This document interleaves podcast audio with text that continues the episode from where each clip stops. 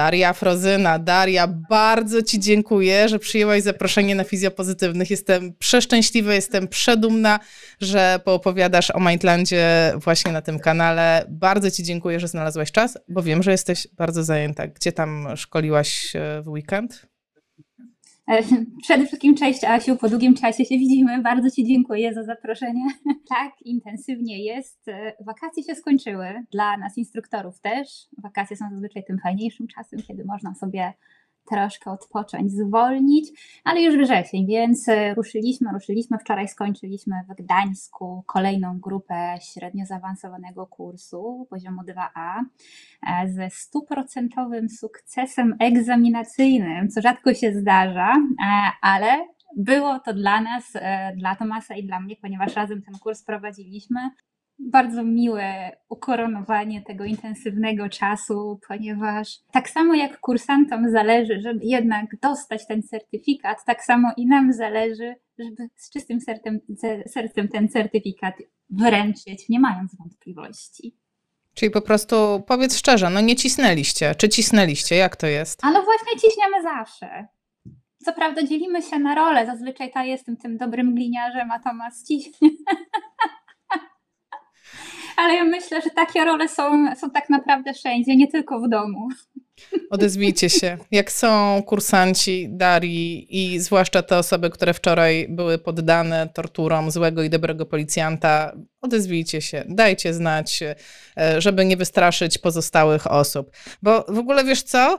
E, ja jestem trochę zaskoczona, jeżeli mam być szczera. Tak mówisz, że ojej, wszyscy zdali i że w sumie to nie jest takie oczywiste, że wszyscy zdają, a ja mam takie taką opinię, takie wrażenie, bo nie byłam, o musicie to wiedzieć, że ja nie kończyłam tej metody, tak naprawdę żadnej terapii manualnej nie kończyłam, więc jestem takim no, manualnym ignorantem, można powiedzieć.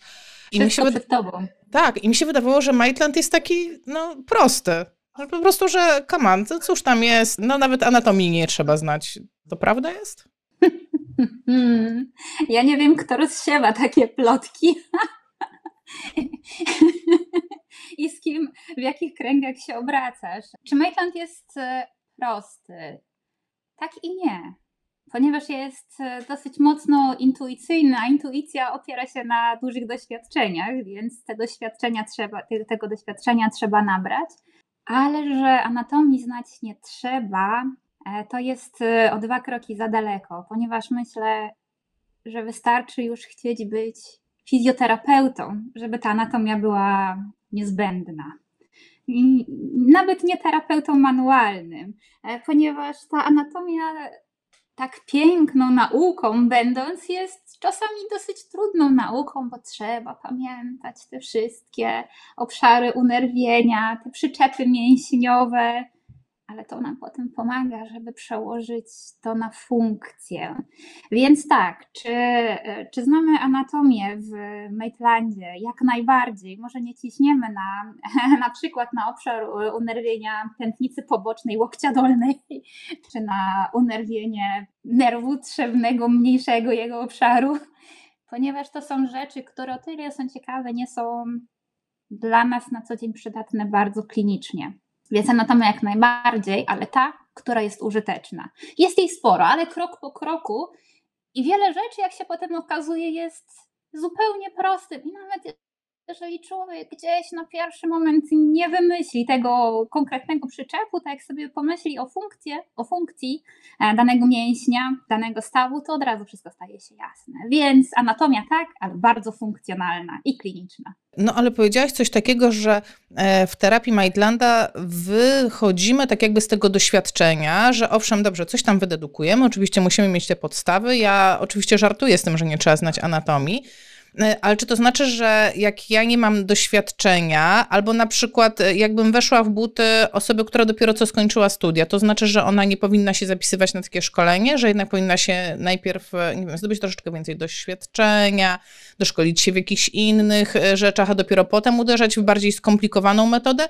Czy właśnie nie? Zacznij od tego, spokojnie, nauczymy cię wszystkiego od początku, no, nawet tych powierzchni wklęsłych i wypukłych, do których ja, ja, ja jeszcze dojdę, obiecuję wam, że jeszcze dojdę do tego. A więc tak, jeżeli chodzi o, o naszą koncepcję, koncepcję Maitlanda, Ona jest taka dosyć unikatowa, ponieważ dużo dobrego znajdą w niej naprawdę już doświadczeni terapeuci, ale jeszcze więcej dobrego znajdą ci, którzy dopiero co startują. Ponieważ jeżeli my już pracujemy w jakichś tam zatartych może schematach, w jakichś algorytmach badania, terapii pacjenta, czasem ciężko jest nam się przestawić na coś nowego, dać szansę spróbować, dać szansę tej nowej metodzie, spróbować jej, żeby być jeszcze może bardziej skutecznym i szybkim, efektywnym w, tej, e, w tym procesie leczenia pacjenta. Ci młodzi ludzie, którzy często przychodzą do nas już na ostatnim roku studiów, czy zaraz po skończeniu, kiedy zaczynają pracować z pacjentami, okazuje się, że te studia o tyle, o ile dały nam ogrom, ogrom wiedzy teoretycznej, o tyle z praktyką bywa ciężej. Potem ścieramy się z, tym, z tą rzeczywistością. Skończy studia magister. Mądra osoba dostaje pacjenta i zaczynają nam się ze strachu ginać kolana. I co teraz? Ja studia kończyłam wiele lat temu, więc nie wiem, jak to wygląda teraz, ale myślę, że aż tyle się nie zmieniło. Wiesz co, to ja ci muszę coś powiedzieć. Muszę ci powiedzieć, muszę się podzielić swoją historią. Moja osobista historia pracy jest taka, dokładnie jakbyś toczka w toczkę e, to, co powiedziałaś przed chwilą. Skończyłam studia, pierwsza praca i uwaga, pierwszy pacjent, bioderko, bioderko, nie mam pojęcia jak prowadzić, prawda, cofamy się te 20 ileś lat, nie mam pojęcia jak prowadzić biodro, ale mam wiedzę, na studiach miałam terapię manualną, ale widzisz, ja te wklęsłe, wypukłe, tak, powierzchnie i ja wiesz, kminie teraz, dobra, no to ciągnę w osi. No to ciągnęłam w osi przez 15 minut, 30 minut terapia, trzeba było coś wymyślić więcej.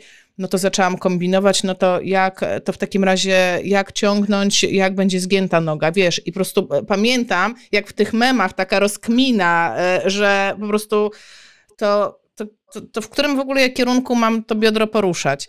I tutaj chcecie pociągnąć troszeczkę za język właśnie w tej kwestii tego, tej wypukłości, tej wklęsłości i tego, że bardzo wielu z nas zna te zasady wklęsłą i wypukłą i pracujemy tak, to czym to się różni w koncepcji Maitlanda?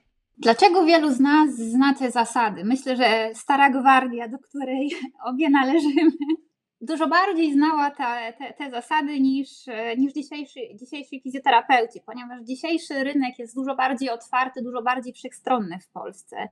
U nas i chwała za to e, wszystkim osobom, które zaczęły interesować się terapią manualną w Polsce i zaczęły właśnie od, e, od terapii, od podejścia Kaltenborna.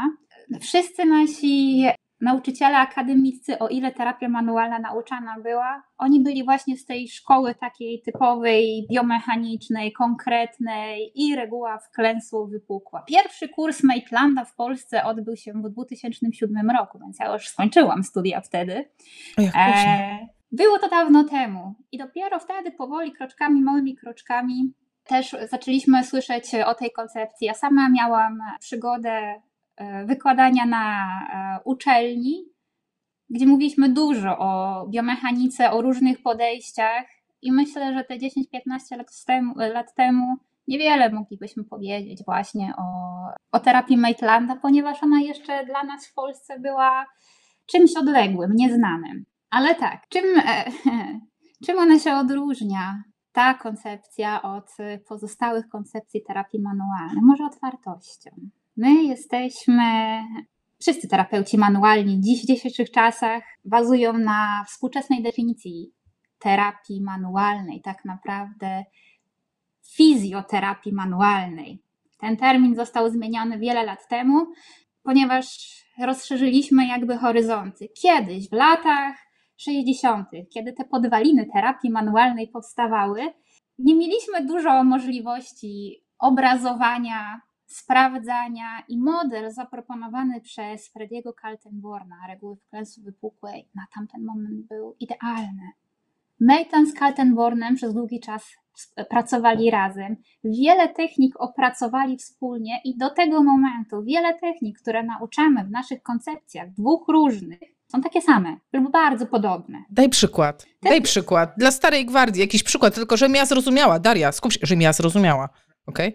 To jest, to jest część, e, część e, manipulacji, które, których uczymy. To jest e, część mobilizacji, na przykład technika zgięcia przywiedzenia biodra, która jest techniką bardzo wszechstronną i myślę, że wykorzystywana jest każdej jednej szkole terapii manualnej. Samo stopniowanie ruchu biernego jest, jest bardzo podobne.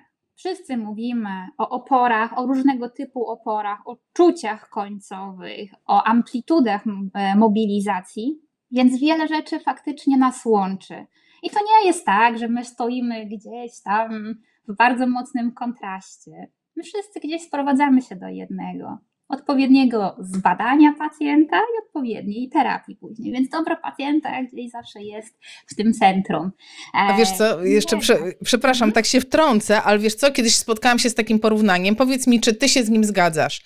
Że jakby posadzić terapeutów Kaltenborna przy jednym stole i po jednej stronie właśnie terapeuci Kaltenborna, po drugiej stronie terapeuci Maitlanda, to ci Kaltenborna są pod krawatami, mają białe koszule, siedzą i sączą wyrafinowane drinki, a po drugiej stronie tam w dresach, gdzieś tam w polarach, nieogoleni terapeuci Maitlanda i piją piwo.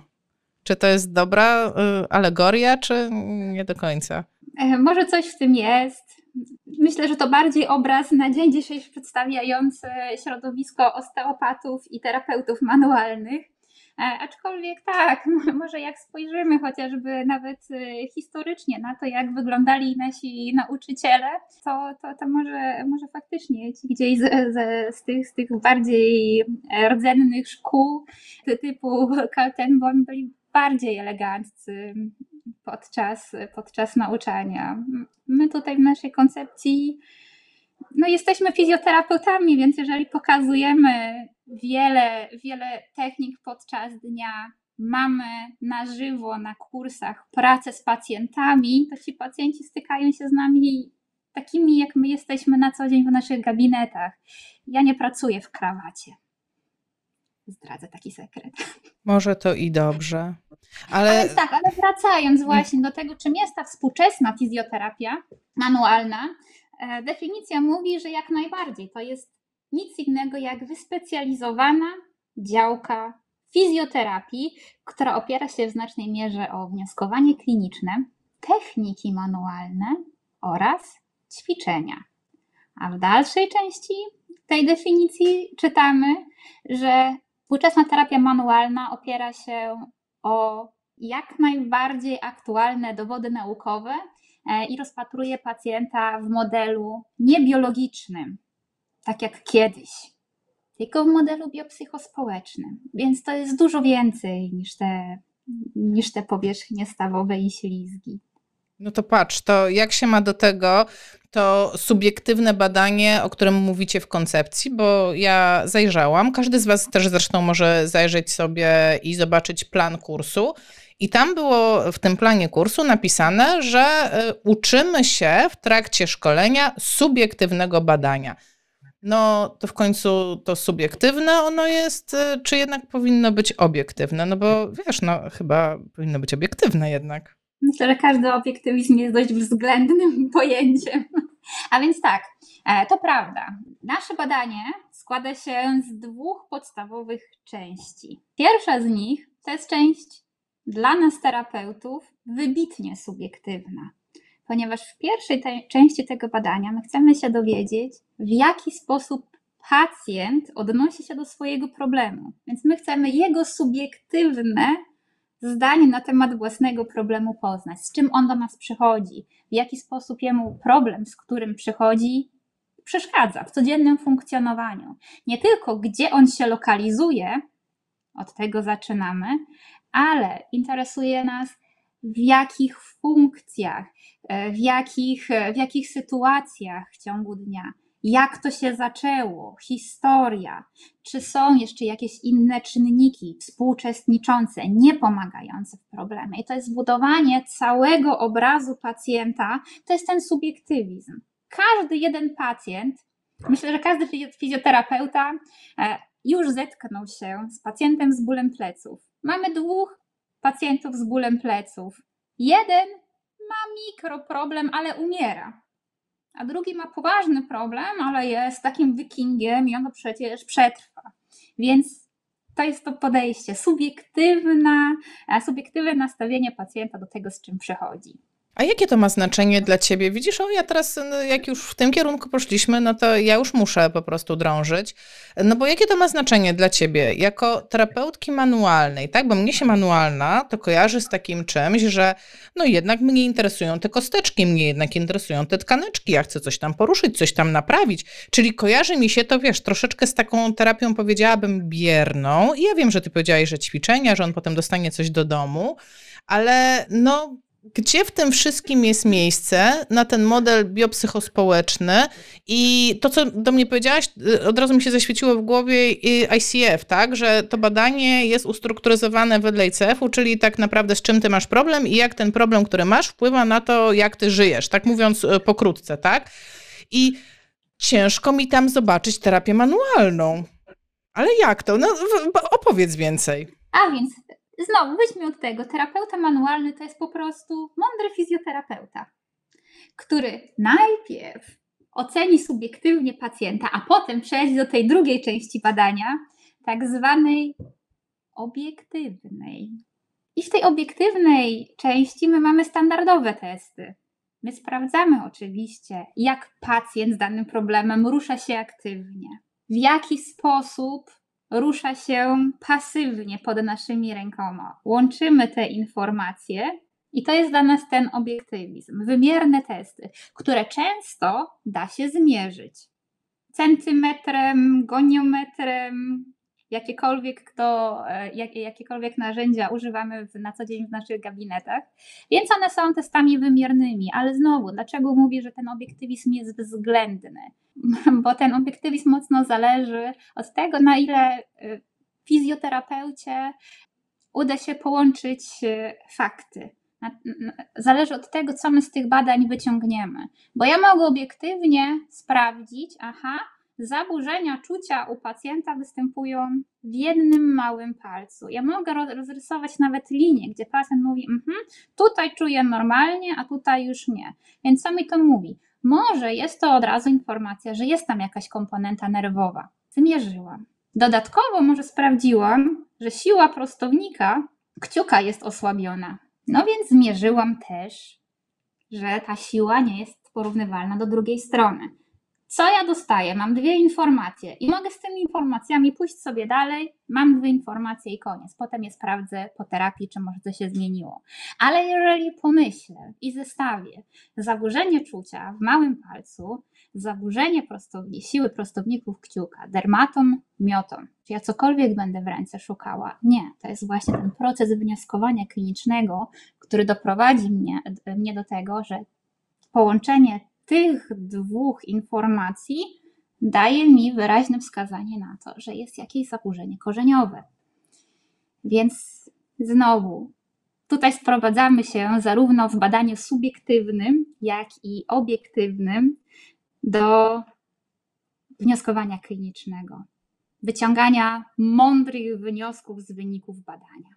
Skoro już poruszyłaś temat tego, że mogą być jakieś zaburzenia neuronalne, mogą być, wspomniałaś, że interesują Cię mięśnie, jak one przebiegają, jak one pracują. Jeszcze dojdziemy. Ja, ja jeszcze dojdę do tych powierzchni stawowych, bo to jeszcze cały czas mam w głowie, ale tak ogólnie, czy to oznacza, że w terapii manualnej, w koncepcji Maitland, tak naprawdę interesują Cię wszystkie tkanki, czy są jakieś tkanki, które Cię szczególnie interesują? No bo wiesz, terapia manualna, no ja jednak będę stała y, na takim, będę taki, taką tezę broniła, że jednak kojarzy się z kośćmi, jednak kojarzy się o tym, żeby strzelić jakąś kosteczką, żeby pociągnąć jakiś staw, żeby y, zrobić ślizgi w jakimś stawie. Wiesz, mnie się kojarzą pierwsze, pierwsze, pierwszy raz, kiedy ja widziałam terapię manualną, to było na studiach, na praktykach, siedział terapeuta, y, wiesz, kobieta miała rękę taką po operacji, rzeczywiście pozaburzaną, ograniczenia, ograniczona ruchomość. Ja pamiętam, że on jej po prostu na siłę rozpracowywał te stawy, jakieś ślizgi, trakcje, no to wszystko, co umiałam wtedy wychwycić. I z tym mi się kojarzy terapia manualna, a ty mi tu mówisz wnioskowanie kliniczne, tutaj szyja, tutaj ręka, no ale to nie znaczy, że ja, no bo teraz tak, skoro wnioskujemy, że to szyja, to ja będę pracować na ręce czy na tej szyi? A więc tak, e, Asiu, myślę, że ty jeszcze mocno całą sobą jesteś osadzona w tych latach 60. Pewnie lubisz Beatlesów, pewnie oglądasz filmy Hitchcocka, pewnie jeszcze cały czas myślisz, że człowiek przecież dopiero co wylądował na Księżycu pierwszy raz. Bo to wtedy właśnie było takie, takie podejście właśnie twarde. I my kiedyś podwaliny koncepcji Maitland też takie były typowo stawowe. Ale tak naprawdę, jeżeli my się zastanowimy, czym jest staw, no to nie są do końca tylko te powierzchnie stawowe osadzone na tkance, tkance podkrzęstnej. Do tego dochodzi jeszcze przecież otaczająca staw torebka stawowa. Do tego dochodzi maź przez tą torebkę produkowana. Do tego dochodzą wszystkie więzadła, które się wplatają w tą torebkę. Do tego dochodzą mięśnie, które tym, tym, tym stawem poruszają. No a jeżeli mięśnie mają poruszać, to muszą być w jakiś sposób przez nerwy zaopatrzone. Więc nie ma tak, że ten staw to są po prostu te dwie toczące się względem siebie powierzchnie stawowe, ślizgające się. To jest wszystko. To, jest, to są wszystkie trzy podsystemy. To jest ten system pasywny, ale do tego system cały aktywny i do tego ten podsystem kontroli. Nic w odosobnieniu nie działa. Więc kiedy ja kładę ręce na moim pacjencie, zanim ja jakkolwiek dojdę, czy też nie dojdę do tych powierzchni stawowych, to muszę przejść przez całą masę wszystkich tkanek. Nie ma takiej terapii w izolacji. Życie byłoby zbyt piękne i zbyt proste, gdybyśmy mogli selektywnie wychwycić e, taką e, maszyną e, z przyszłości, gdzie jest problem i dokładnie w tamto miejsce uderzyć. Może kiedyś, może kiedyś. To patrz, uwaga, puszczam niską piłkę, leci niska piłka. No to skoro wszystko tak jest ogólnie i jedno z drugim jest połączone, no to co, to manipulujemy na segmencie, czy nie manipulujemy na segmencie? Jesteśmy w stanie dotrzeć do jednego segmentu, mam na myśli segmenty kręgosłupa, czy nie jesteśmy? Dawaj tutaj oficjalne stanowisko polskiej terapii Maitland. Manipulujemy. Jednak musimy uszanować to, że te manipulacje, chociaż naprawdę i w naszej koncepcji staramy się to ustawić tak bardzo na konkretny segment, jak jest to możliwe, no to musimy uszanować, że ten efekt może się rozprzestrzenić także na stawy sąsiadujące. Nie ma takich super precyzyjnych technik. Nigdzie. I wszystkie koncepcje się do tego zgadzają. My się wszyscy staramy zrobić to jak najbardziej celowanie, ale niestety, mm, niestety, a może nawet stety, ten efekt jest bardziej globalny.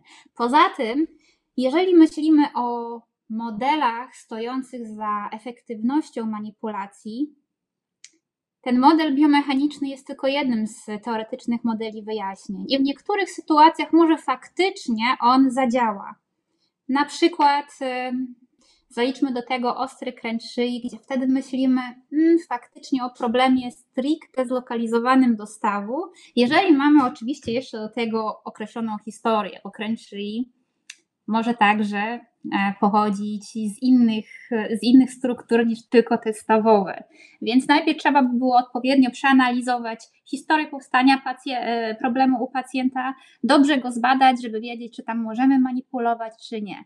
Więc czasami myślimy faktycznie o, tym, o, tym, o tej teorii biomechanicznej stojącej za manipulacją, ale przede wszystkim jest to teoria neurofizjologiczna w dzisiejszych czasach. Jeszcze nie było na ten moment, przynajmniej nie są znane mi żadne badania, które by pokazały, że po manipulacji zmieniamy ustawienie w stawie. To co zmieniamy? Patrz, no ja nie mam wyjścia, ja muszę iść tym tropem. To skoro nie zmieniamy ustawienia w stawie, to co zmieniamy? Resetujemy ogóle... nerwy. No, no to teraz już musisz tłumaczyć się. E, to jest może różnica u nas, w naszej koncepcji, ponieważ my jesteśmy bardzo mocno osadzeni w tej, e, w tej teorii neurofizjologicznej stojącej za manipulacją, dlatego my manipulujemy u nas w koncepcji tylko i wyłącznie stawy kręgosłupa. Nie manipulujemy stawów obwodowych, jako że blisko, blisko stawów obwodowych często nie ma żadnych dużych czy gałęzi nerwowych, nie ma splotów nerwowych, które mogłyby e, spowodować całą tą falę efektów e, związanych z nerwami, z mięśniami i wszystkimi innymi strukturami, więc dla nas te manipulacje obwodowe nie są, e, nie są w żaden sposób wyższe niż mobilizacje na obwodzie. Więc my sporo mobilizujemy, my nawet bardzo mocno mobilizujemy. Czasami mobilizujemy tak, że pod pachą da się już zobaczyć ślady zmęczenia fizjoterapeuty, a na, pocie, na, na czole pacjenta e, widzimy pot lub wymiernie słyszymy, że e, intensywna jest ta mobilizacja, aczkolwiek te manipulacje obwodowe, tak jak, tak jak wspomniałam, koncepcji Maitlanda w procesie, w procesie naszego kształcenia one nie, nie goszczą, ale sporo mówimy o manipulacjach właśnie kręgowych. No a czy są jakieś badania, które wskazują na to, że po takiej manipulacji coś innego oprócz ustawienia w stawie się zmienia? Bo y, ja znam, spotkałam się z tymi teoriami, tak, tego resetu, choć na przykład ja nie rozumiem tak do końca, co to jest ten reset. Nie potrafię sobie tego zwizualizować, nie potrafię sobie tego wytłumaczyć, ale czy ktoś to zbadał, czy ktoś podjął próby badania, czy, e, czy to są tylko e, hipotezy, że myślimy, że tak jest, widzimy mhm. klinicznie, że ci pacjenci się poprawiają. Na jakim to jest etapie dowodów naukowych? E, najważniejsza rzecz to właśnie są te dowody kliniczne. Pacjentowi się poprawia. I to jest dla terapeuty manualnego, bazującego na koncepcji Maitlanda najważniejszy dowód. Jeżeli udowodnimy, że tym, co zrobiliśmy w powtórnym badaniu, pacjent się poprawił i obiektywnie, i subiektywnie, to w takim razie była dobra technika. Jest wiele badań pokazujących efekty po, po tych mobilizacjach, manipulacjach. Nie muszą być to manipulacje, wystarczy, wystarczą po prostu mobilizacje. I bardzo mocno zależy to, gdzie, gdzie jest nasz target, co my tak naprawdę chcemy zaadresować. Jeżeli, e, jeżeli myślimy o mocnym współudziale, na przykład układu współczulnego, zarówno mobilizacja, jak i manipulacje w obrębie czy odcinka piersiowego, czy, czy wyjść z tego układu nerwowego e, współczulnego, powodują mierzalne zmiany hormonalne we krwi, w silinie, powodują zmiany częstotliwości uderzania serca, jest fala różnych zmian. Więc tutaj, tutaj odsyłałabym już bardziej do naszego poziomu 2B, gdzie głównym tematem właśnie są te manipulacje, niestabilności też kręgowe, więc nie tylko kiedy i jak manipulować, ale też najważniejsze, kiedy nie manipulować. E, też jeśli chodzi o te manipulacje, my się troszeczkę różnimy od innych może podejść manualnych, ponieważ my mamy nieco dłuższą listę sytuacji, w których nie manipulujemy. Więc jesteśmy z jednej strony nie może troszeczkę bardziej ostrożni, a z drugiej strony dajemy szansę tym, tym łagodniejszym rzeczom, które bardzo często okazują się wystarczające. Podaj jakiś przykład takiego przeciwwskazania do manipulacji w koncepcji Maitland, z którym nie spotkałaś się w innych metodach. Coś, co cię zaskoczyło. Pamiętasz, jak sama zaczynałaś się uczyć koncepcji i tak myślałaś, kurczę, w życiu bym o tym nie pomyślała. Ja mogę ci dać taki przykład z Cyriaksa, bo ja wiesz, ja jestem córką, tak. Cyri, córką, Cyri, cór, córką Cyriaksa. Chciałabym, ale nie. E, e, ale wiesz, jak tam to, tam, tam to mówimy o manipulacjach, tak? Okej, okay? więc e, i na przykład to, co mnie zaskoczyło, to kiedy E, tam w przeciwwskazaniach było, e, że nie podejmujemy się terapii w momencie, w którym mamy niespójność objawów z symptomami zgłaszanymi przez pacjenta, kiedy podejrzewamy zaburzenie psychiczne. E, I wiesz, na przykład mnie to zaskoczyło totalnie. O kurczę, nigdy o tym nie pomyślałam. Masz coś takiego w Maitlandzie? Tak, e, oczywiście zaburzenia psychiczne, e, jakkolwiek to jest bezpieczeństwo nie tylko pacjenta, ale także i fizjoterapeuty, ponieważ nie tylko się stajemy coraz bardziej roszczeniowi i jeżeli coś nie pójdzie, to nie ja temu jestem winna. Obwiniamy cały świat za to, więc, e, więc w szczególności jeżeli mamy do, do czynienia z pacjentami, którzy są um, um, tak jak to określiłaś, mniej spójni, bo znowu, czym jest normalność? E, to, to te, tego unikamy. E, tak, że jeżeli nie mamy doświadczeń z dziećmi, dzieci nie manipulujemy, te efekty manipulacji na dzieciach, może jeśli chodzi o badania, one są bardzo, bardzo ograniczone z przyczyn oczywistych, ale też, czego my na przykład my nie, e, nie manipulujemy w naszej koncepcji. Jeżeli myślimy, że u pacjenta cała jego historia, cała, ca, cały jego wzorzec, z którym on nam klinicznie prezentuje, wygląda jak zaburzenie pochodzenia dyskowego, to my nie będziemy chcieli go manipulować, ponieważ z, znowu z doświadczeń klinicznych, w oparciu o nasze wnioskowanie, często obserwujemy, że, że to są zbyt intensywne techniki, czy przy zaburzeniach w obrębie korzeni nerwowych. Może, może i czasami byłaby to technika od strony teoretycznej wskazana, ale praktycznie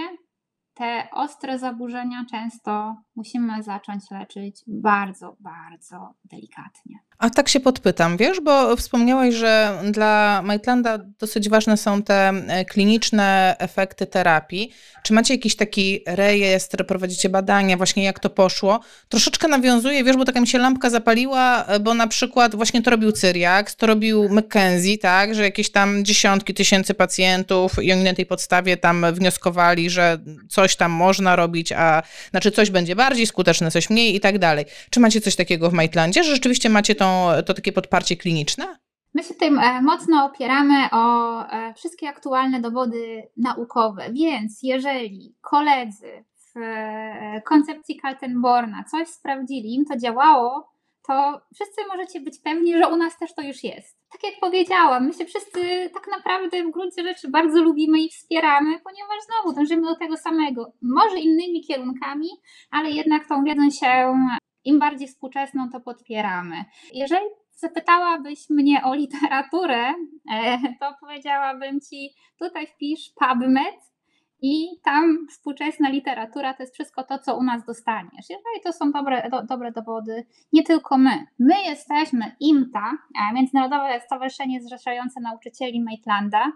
E, to jest stowarzyszenie nauczycielskie. My jesteśmy nauczycielami, klinicystami, ale nie jesteśmy naukowcami. Więc podpieramy się tym, co powiedzieli mądrzejsi ludzie. Oczywiście każdy z nas, każdy terapeuta, każdy fizjoterapeuta zbiera sobie doświadczenia życiowe. Jeżeli ja lubię wykonywać daną technikę, na przykład to, co powiedziałaś, po złamaniu palca, lubię wykonywać ślisk w tą stronę.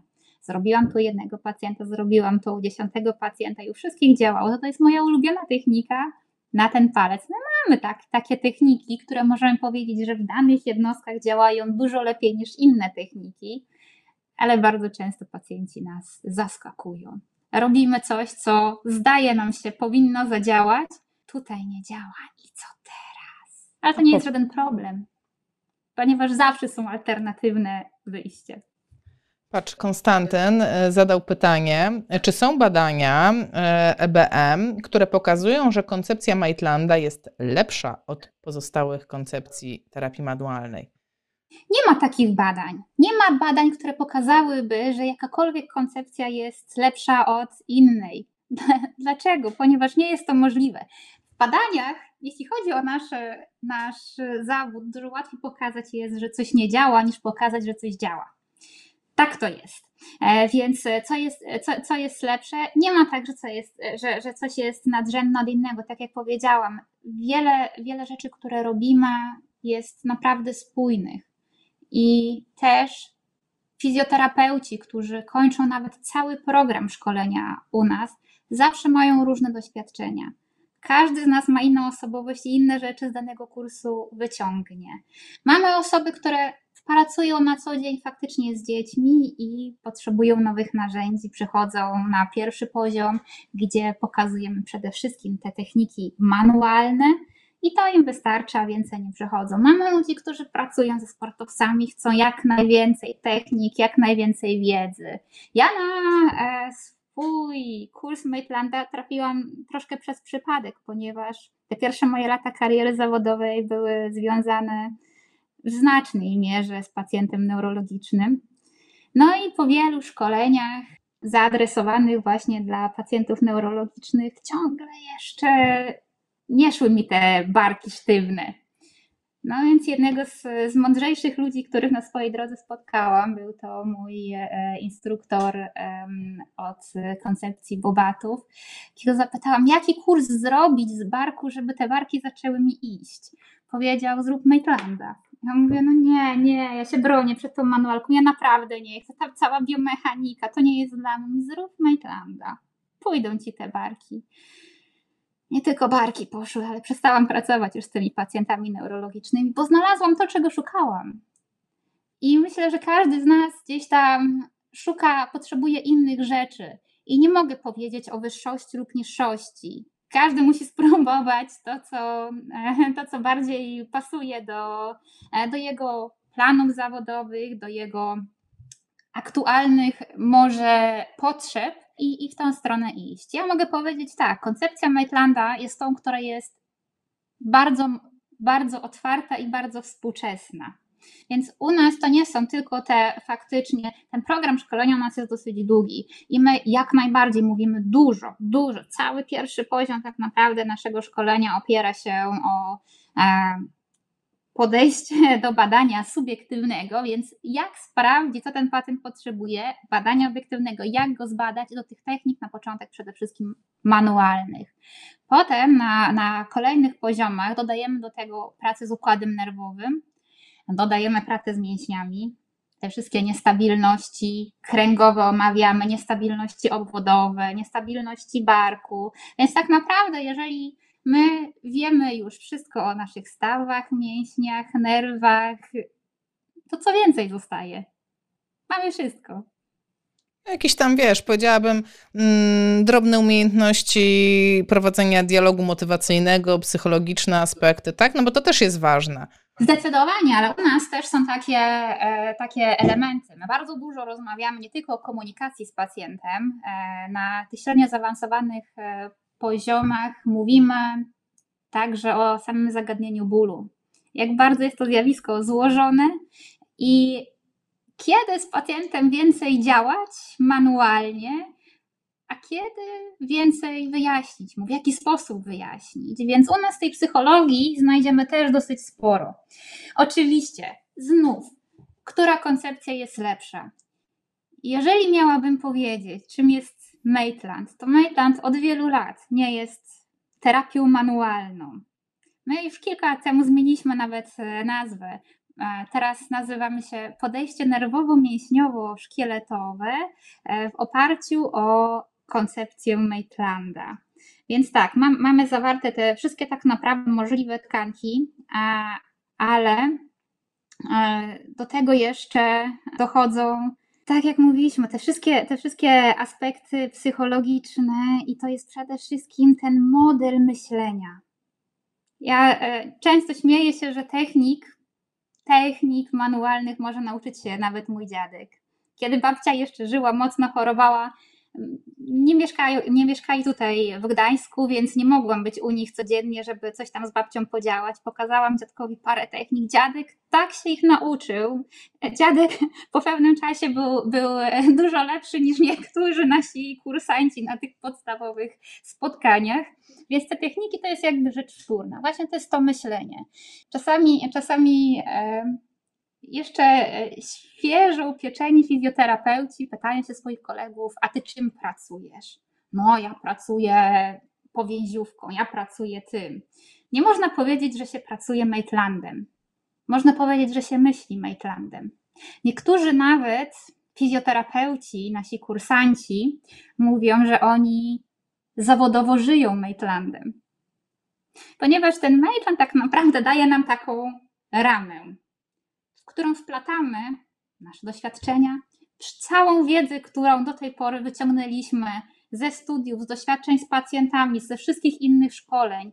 I to wszystko można w oparciu o te zasady mądrego prowadzenia terapii tak naprawdę oprzeć. My możemy powiedzieć nawet, że w oparciu o koncepcję Maitlanda można zrobić taping, gdzie taping to jest coś, czego my nigdy nie pokazywaliśmy na naszych szkoleniach. Ale dlaczego nie? Daria, a ja mam takie pytanie. E, skłoniłaś mnie, po prostu ja słucham e, i ja bardzo jestem blisko z PNF-em i mogę powiedzieć to, co powiedziałaś przed chwilą o Maitlandzie, że to są zasady, które y, ułatwiają życie, życie jako takie, tak? Że to jest coś, co wpływa na życie, tak? Jak na przykład positive approach, tak? Czyli szukanie wszędzie najpierw tych pozytywnych aspektów. Podziel się jakąś y, twoją taką, nie wiem, regułą, zasadą, filozofią, tym, co macie w koncepcji Maitland, co wpłynęło na twoje życie. Masz coś takiego? Koncepcja Maitlanda bardzo mocno wpłynęła na moje życie zawodowe, ponieważ myślę, że dzięki temu ja na swój kurs trafiłam już jako doświadczony terapeuta, na swój podstawowy kurs. Ja miałam dużo doświadczeń, powiedzmy, na innym polu, ale nie byłam już zupełnym świeżakiem. I, I myślę, że dzięki, dzięki właśnie temu programowi w oparciu o koncepcję Maitlanda zaczęłam wierzyć w to, że ja potrafię zrobić dużo więcej niż wcześniej mi się wydawało, więc dało mi na pewno dużo wiary w siebie. E, dało mi też takie poczucie lepszej efektywności, skuteczności, przede wszystkim szybkości w analizie tego, co ja muszę z danym pacjentem zrobić, znajdywania tego clue, tego sedna, w który trzeba uderzyć. E, no ale jeśli chodzi o koncepcję Maitlanda, to e, dla mnie było też to E, sporym, sporą zmianą w moim życiu prywatnym, ponieważ także na moich kursach poznałam miłość życia, więc. Ale uwaga, nie jestem jedyna. Ta przygoda z Maitlandem, jeżeli zaczynamy podstawy, i widzimy, ciągle, ciągle jeszcze możemy z tego coś wyciągnąć. E, ten program jest dla nas atrakcyjny, idziemy dalej. Ten program wtedy trwa dosyć sporo czasu. Zawiązują się na tych kursach, co my obserwujemy, te wspaniałe, życiowe przyjaźnie, ale także właśnie i miłość. Już nie raz na naszych kursach były oświadczyny albo jakieś tam informacje. Ten kursant z tamtą kursantką wpadli sobie w oko gdzieś na podstawie, a na, e, na poziomach już zaawansowanych e, przyjechali w trójkę z dzidziusiem. Więc e, tak, to jest musimy sobie uświadomić, nie mam magicznych, magicznych kursów, które sprawią, że przez weekend staniemy się super mądrzy. Zawsze nam pomogą, ale jeżeli, żeby stać się bardzo mądrym, to wymaga czasu, to wymaga przećwiczenia danych rzeczy, przeanalizowania tej wiedzy, wracamy, dostajemy więcej, więc ten, ten, e, ten czas e, mija. Oczywiście czas mógłby minąć i tak, gdybyśmy nic nie robili, to byśmy nie byli mądrzejsi. Ale jeżeli właśnie chcemy, chcemy ciągle dążyć, a wielu z nas czuje tą potrzebę, że tam jeszcze jest tyle tej wiedzy, ja chcę ją dostać, e, to, to niestety i, i e, czasu e, troszeczkę to wymaga. Więc ten program może i jest dosyć rozległy u nas, ale też jest bardzo obszerny. No więc jeżeli tego czasu tyle mija, często w znanych towarzystwach, bo te grupy gdzieś tam zawiązują się mocno, związują się mocno ze sobą, idą razem, jeden drugiego motywuje. Tak jak mówię, potem te, te zaawansowane poziomy kończymy już jako dobrzy przyjaciele. A powiedz, jak wygląda system szkoleń, bo mówisz, że dosyć długo, że często się spotykacie, to znaczy, jak to wygląda tak konkretnie? Bo mnie się klasyczny kurs kojarzy z tym, że co pół roku jeżdżę na tydzień czy tam na pięć dni w jakieś miejsce i przez te pięć dni się uczę. Tak wyglądał tak, Syriax wyglądał, Mackenzie tak wyglądał, a wiem, że Maitland wygląda inaczej. Tak, e, u nas e, ten system szkolenia oparty jest na trzy poziomy. To jest poziom podstawowy, który składa się z czterech zjazdów i po skończeniu tych czterech zjazdów dostajemy certyfikat ukończenia tego podstawowego poziomu. Każdy a ile zjazd trwa zjazd? A, a. Trwa pięć dni. E, I te zjazdy są e, w różnych odstępach e, czasu. Od wielu czynników te, te odstępy są zależne, ale możemy powiedzieć, że pierwszy poziom, te cztery zjazdy zamkną się w czasie krótszym niż rok. Czasami jest to miesiąc przerwy pomiędzy dwoma zjazdami, trzy miesiące pomiędzy drugim a trzecim. Czasami te przerwy są bardziej regularne. Każdym razie ta, ta podstawa zamyka się w czasie krótszym niż rok.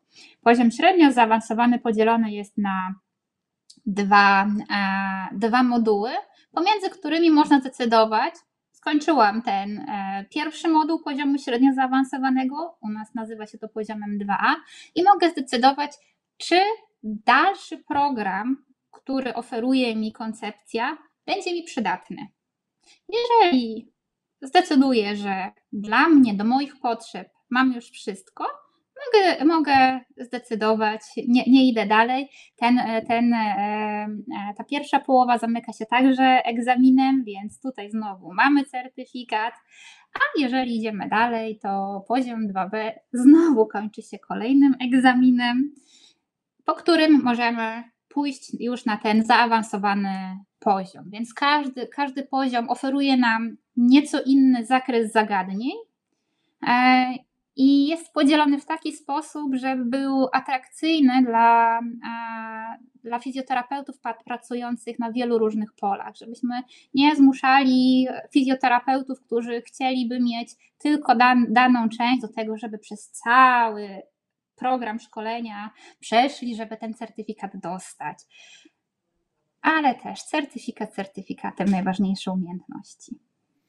E, no dobrze, ale powiedziałaś, że certyfikatu nie dostaje się tak od, tak, e, tak po prostu, że jednak trzeba zdać ten egzamin. Już na początku mówiłyśmy o nim. E, opowiedz, jak wygląda konkretnie? Czy to jest jakiś test, czy to jest jakaś praktyka? Co to w ogóle jest? Jak wygląda taki egzamin? Um, tutaj w zależności od poziomu. Jeżeli myślimy o egzaminie kończącym podstawowy poziom, nasz poziom pierwszy, to jest egzamin, który składa się tak naprawdę tylko z egzaminu technicznego. Jest kilka technik do pokazania na partnerze, kilka technik na instruktorze i jeżeli to wygląda w miarę, w, w miarę akceptowalnie, przepuszczamy dalej. Dlaczego w miarę akceptowalnie? Ponieważ to nie jest tylko to, co ja widzę na tym egzaminie, wiadomo, stres egzaminacyjny. My się znamy już po tych czterech zjazdach dosyć dobrze, więc ja, będąc instruktorem obserwującym przez tyle czasu daną osobę, ja wiem, czy to jest osoba, która rozumie o co chodzi, myśli o tym, co robi, i to jest kwestia, nie wiem, wylosowania jakiejś znienawidzonej techniki.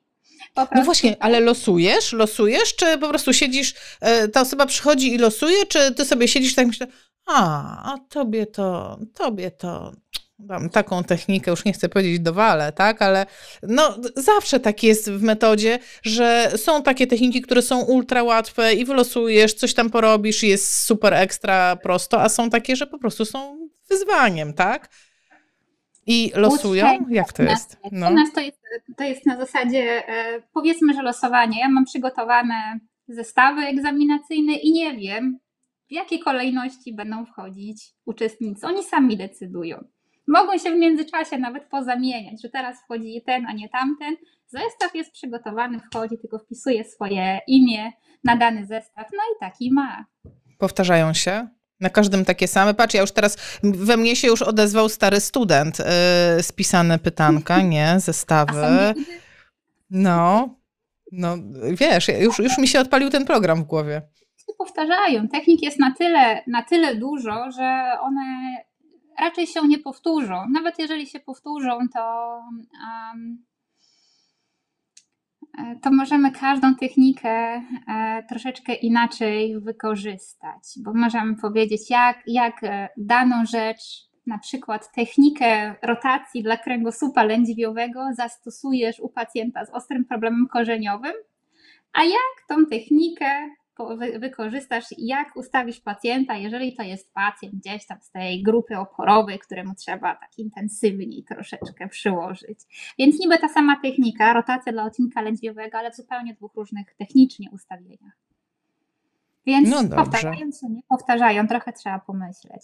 To jest ten prostszy egzamin, ponieważ później na poziomie e, tym pierwszym, średnio zaawansowanym, my wiele rzeczy z tych technik uzupełniamy. Ale ten egzamin, który właśnie mieliśmy na, na tym kursie, który się weekend zakończył, e, to już jest egzamin bardziej wymagający. Dlaczego? Ponieważ na oczku 2B, tym drugim średnio zaawansowanym, uczymy właśnie manipulacji. Technik, które są intensywne i są potencjalnie bardziej ryzykowne niż mobilizacje. I wtedy już musimy wiedzieć, że ludzie, którzy chcą iść dalej, mają ręce, które sobie z tym poradzą. Dla bezpieczeństwa własnego, dla bezpieczeństwa kolegów, na których te techniki będziemy ćwiczyć często po raz pierwszy, ale w przyszłości także dla bezpieczeństwa pacjentów. Czyli rozumiem, że ten egzamin kolejny jest trudniejszy. A jakieś teoretyczne są testy, że trzeba jeszcze coś zaliczyć teoretycznego? Teorii póki co nie ma. Na 2B bywają takie zjazdy, że pytamy troszeczkę teorii, czasami jednak nie. W każdym razie od tego poziomu średnio zaawansowanego dla nas dużą część punktacji egzaminacyjnej wcale nie stanowią techniki, ale wyniki naszych obserwacji przy nadzorowaniu pracy z pacjentami. A na tych kursach zapraszamy prawdziwych pacjentów, pacjentów z naszych y, gabinetów, e, często z mojego własnego gabinetu, jeżeli mamy tutaj kursy w Gdańsku, czy z gabinetów organizatorów. E, także kursanci mogą podrzucić nam obecni kursanci, kursanci którzy już e, dawno te kursy zakończyli, chcieliby zweryfikować swoich pacjentów, więc pacjenci są dla nas zawsze niespodzianką i my nadzorujemy pracę naszych kursantów z tymi pacjentami na żywo, więc patrzymy w jaki sposób oni zasady, o których my mówimy, wdrażają w swoją pracę kliniczną. I to jest unikat na naszym kursie. Inne kursy terapii manualnej, które się tutaj u nas w Polsce odbywają, tego nie robią, a to jest moim zdaniem największa wartość dodana do tego, bo to, co my pokazujemy, zawsze może być mocno naciągane, ale jeżeli my pokazujemy, jak to zaraz zastosować bezpośrednio na żywym organizmie, na pacjencie, i kursanci widzą, wow, to się sprawdza, to jest niesamowite. Poza tym też my jako instruktorzy na niemal każdym zjeździe pokazujemy taką demonstrację pacjenta, więc e, ja tutaj też uśmiecham się, że e, papier przyjmie wszystko, więc wszystko możemy narysować, pokazać, wytłumaczyć najbardziej magiczne rzeczy, ale potem przychodzi ten pacjent, którego ja widzę pierwszy raz na oczy i ja teraz muszę tak naprawdę ściągnąć gacie i pokazać, co mam pod spodem, bo to, co wszystko ja powiedziałam w tym momencie, ja muszę pokazać, jak ja zastosuję na żywo. Słuchaj, Myślę, że to jest ta fajna część. Było jeszcze całkiem sporo pytań na czacie, których nie zdążyłam przeczytać, e, ale. Zawsze. Absolutnie nie mogę się z tym zgodzić. Także wybaczcie wszyscy, którzy zadali pytanie, ja go nie przeczytałam, ale postaram się tak to rozwiązać, żebyście dostali odpowiedzi. A chciałam Cię jeszcze podpytać, jeżeli ktoś nas ogląda teraz i e, tak sobie myśli, kurczę, no w sumie nawet ciekawa ta metoda, to gdzie może znaleźć więcej informacji na temat koncepcji? Gdzie może, mm, nie wiem, doczytać, coś e, doinformować się? Gdzie szukać informacji? Troszeczkę informacji jest na stronie ortokursów, e, naszego jedynego i w ogóle najlepszego partnera e, e, organizatora kursów, z, jakim tutaj się zetknęliśmy. Bardzo dobrze, od, od samego początku, kiedy pierwszy kurs terapii manualnej w koncepcji Maitlanda odbył się w Polsce, jest organizowany to niemal przez ten sam zespół wspaniałych ludzi, z którymi współpraca zawsze się nam układa. Mamy lepsze, gorsze momenty, ale zawsze idziemy do przodu. Myślę, że jedni drudzy nawzajem ciągniemy się do przodu, więc tam na stronie ortokursów e, trochę informacji jest. Na, strony, na stronie IMTA, imta.ch także znajdziemy sporo informacji. Ta strona jest na ten moment chyba już w sześciu językach, jest także w języku polskim, więc tam możemy też szukać. Jeśli chodzi o, o publikacje, tak, są książki, są książki, które e, nosząc e, nazwisko Maitlanda, e, bywają, bywają czasem przydatne. Myślę, że jednak dopóki nie mieliśmy um, zetknięcia z tą koncepcją, te książki mogą nas bardziej zniechęcić. Ja jako może nie powinnam mówić, ale jako instruktor tej koncepcji kilku z tych książek po prostu nie lubię, bo uważam, że są napisane w sposób totalnie nieprzystępny i może więcej wprowadzają zamętu niż, niż tak naprawdę jest. One czasami straszą tymi wszystkimi wykresami, diagramami ruchu, e, jakimiś e, wielkimi e, sieciami połączeń. Więc tutaj myślę, że, że przede wszystkim warto porozmawiać z kimś, kto takie, takie szkolenie skończył, co jemu to dało, w jaki sposób on się do tego odniósł. Bo nie ukrywam, znaczna część, znaczna miara naszych obecnych uczestników przychodzi, ponieważ mówią, a w pracy spotkałem takiego kolegę, zobaczyłem, że on tak fajnie z tymi pacjentami pracuje, że ci pacjenci tacy zadowoleni, że mu tak dobrze idzie. No to się zapytałem, co, co on tam robi, jakie kursy on skończył. No i powiedział, zrób Maitlanda, no i tutaj jestem teraz, przyszedłem. Więc to są takie właśnie doświadczenia gdzieś tam e, z, te, z tego marketingu szeptanego. I przez to, że mamy coraz więcej tych naszych kursantów, którzy pokończyli też te kursy u nas, e, zazwyczaj grupy są naprawdę liczne, co nas bardzo cieszy. Super. Wszystkim osobom, które oglądają to nagranie, kiedy ono już jest nagraniem, a nie live'em i nie widzicie linka wrzuconego przez e, Tomka w komentarzach do ortokursów, to ja tutaj pod nagraniem umieszczę i link do e, IMTA i do ortokursów, żeby wszyscy mogli sobie znaleźć e, informacje i doczytać. Kto wie, może Was zainteresuje. Daria, nie wiem, czy Ty zorientowałaś się, ale rozmawiamy już godzinę i dwie minuty, więc no, czas, czas na nas. My wiemy o tym, że to nie koniec spotkania z Maitlandem na fizjopozytywnych, ale jeżeli oglądacie to nagranie z nagrania, nie we wrześniu, 4 września 2023, no to pewnie już nie dołączycie do trzydniówki. A jeśli oglądacie we wrześniu i macie szansę dołączyć, to za tydzień rusza trzydniówka na grupie fizjopozytywnych. Przypominam, zachęcam. A tobie, Daria, bardzo, bardzo, bardzo dziękuję za to, że spędziłaś wieczór e, z fizjopozytywnymi. Wam bardzo dziękuję za komentarze. No i cóż, życzę Ci bardzo licznych grup. Życzę Ci, żeby mnóstwo osób interesowało się koncepcją e, i no, mnie przekonałaś. Kochana, zapraszamy na kursy, tak jak mówię, nawet dla osób tak doświadczonych jak Ty, nawet doświadczonych w nieco innych obszarach, Myślę, że każdemu fizjoterapeucie trochę takiej, takiego manualnego wyrafinowania się e, przyda. E, ja chciałabym obiecać na tą trzydniówkę, że ja jednak wyjaśnię troszkę o tych wklęsłych. Tak, ja bym prosiła. o tym porozmawiać, tak. E, ale zostawmy to już może jako taką małą zachętę na, na tą trzydniówkę. Na trzydniówce trochę się podzieje. Zaplanowałam, że porozmawiamy troszeczkę nie tylko o podwalinach koncepcji, ale właśnie o, te, o tych aspektach praktycznie. Pokażę, w jaki sposób nasza koncepcja podchodzi do tego subiektywnego i obiektywnego badania na przykładach pacjentów.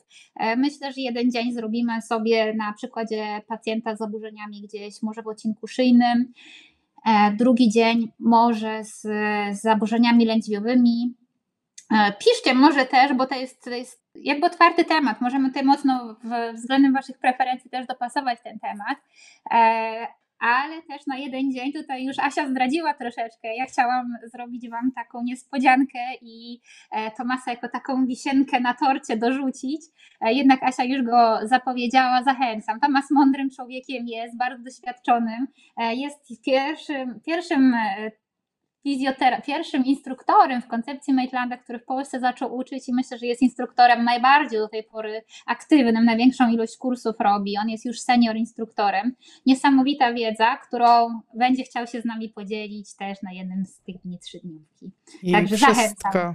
Wszystko na grupie fizjopozytywnych i ci, którzy oglądają nagranie później, to płaczą. Płaczcie krokodylimi łzami, nie ma dla was ratunku. Do Maitlanda nie wrócicie bo tylko w tym momencie jest trzydniówka. Muszę to napisać, bo inaczej potem za rok będę miała pytania, gdzie ta trzydniówka, gdzie ta trzydniówka. Więc muszę to podkreślić, że trzydniówka jest we wrześniu 2023, e, dokładnie 12, tak? 11, 13, tak? No jakoś 11, tak. No za, tak. za mhm. tydzień jest trzydniówka. 11-13 września 2023 na grupie fizjopozytywnych. Kto nie był, to nie martwcie się, słuchajcie, tych trzydniówek jest dużo. Także e, po prostu dołączajcie do grupy, będą jakieś inne. Ale teraz wrzesień należy do Maitlanda. Daria, bardzo dziękuję i cóż, do zobaczenia za tydzień. Cześć. ja Tobie serdecznie za, dziękuję za zaproszenie, za to, że mogłam e, trochę poopowiadać nie tylko Tobie, podzielić się. Widziałam, że było nas e, dosyć sporo, więc dziękuję za, za takie grono. Dziękuję Wam za to, że spędziliście z nami ten wieczór e, i mam nadzieję do zobaczenia także w licznym gronie na trzydniówce. Cześć. Cześć.